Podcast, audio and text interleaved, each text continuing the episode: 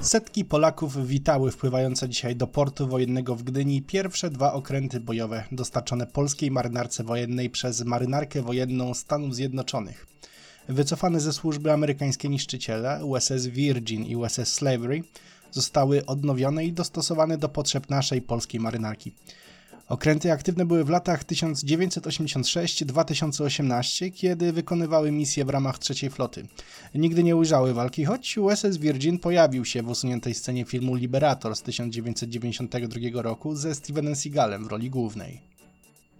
Do Gdyni, by osobiście przekazać Polakom i prezydentowi Andrzejowi Dudzie nowe niszczyciele, przybył były dowódca obu okrętów admirał Gregory Scott McKinley, który mówił o dużym znaczeniu sojuszu z Polską dla Amerykanów.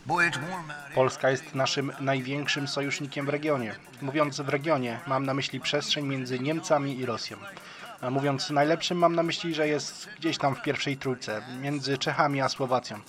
Ale Czesi nie potrzebują statków, bo nie mają dostępu do morza. Pytaliśmy i odmówili. Obecny na ceremonii prezydent Andrzej Duda również podkreślał znaczenie sojuszu ze Stanami Zjednoczonymi.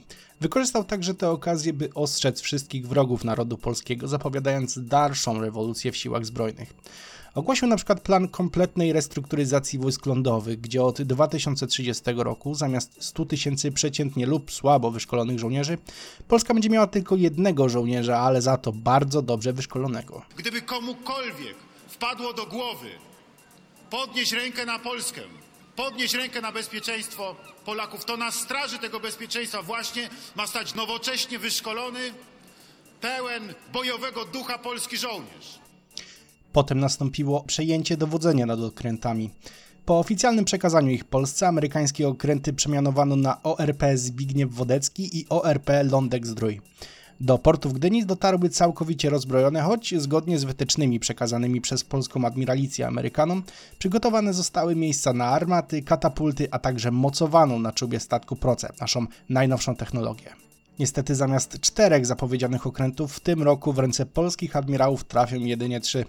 Do floty dołączyć miały ORP Pan Tadeusz i ORP Pan Wołodyjowski. Ze względu na opóźnienia w dostawie czwartego okrętu, przypływający do Polski statek nazywać się będzie ORP Pan Tadeusz Wołodyjowski, a obie szkolone załogi będą przejmowały dowództwo na zmianę co godzinę.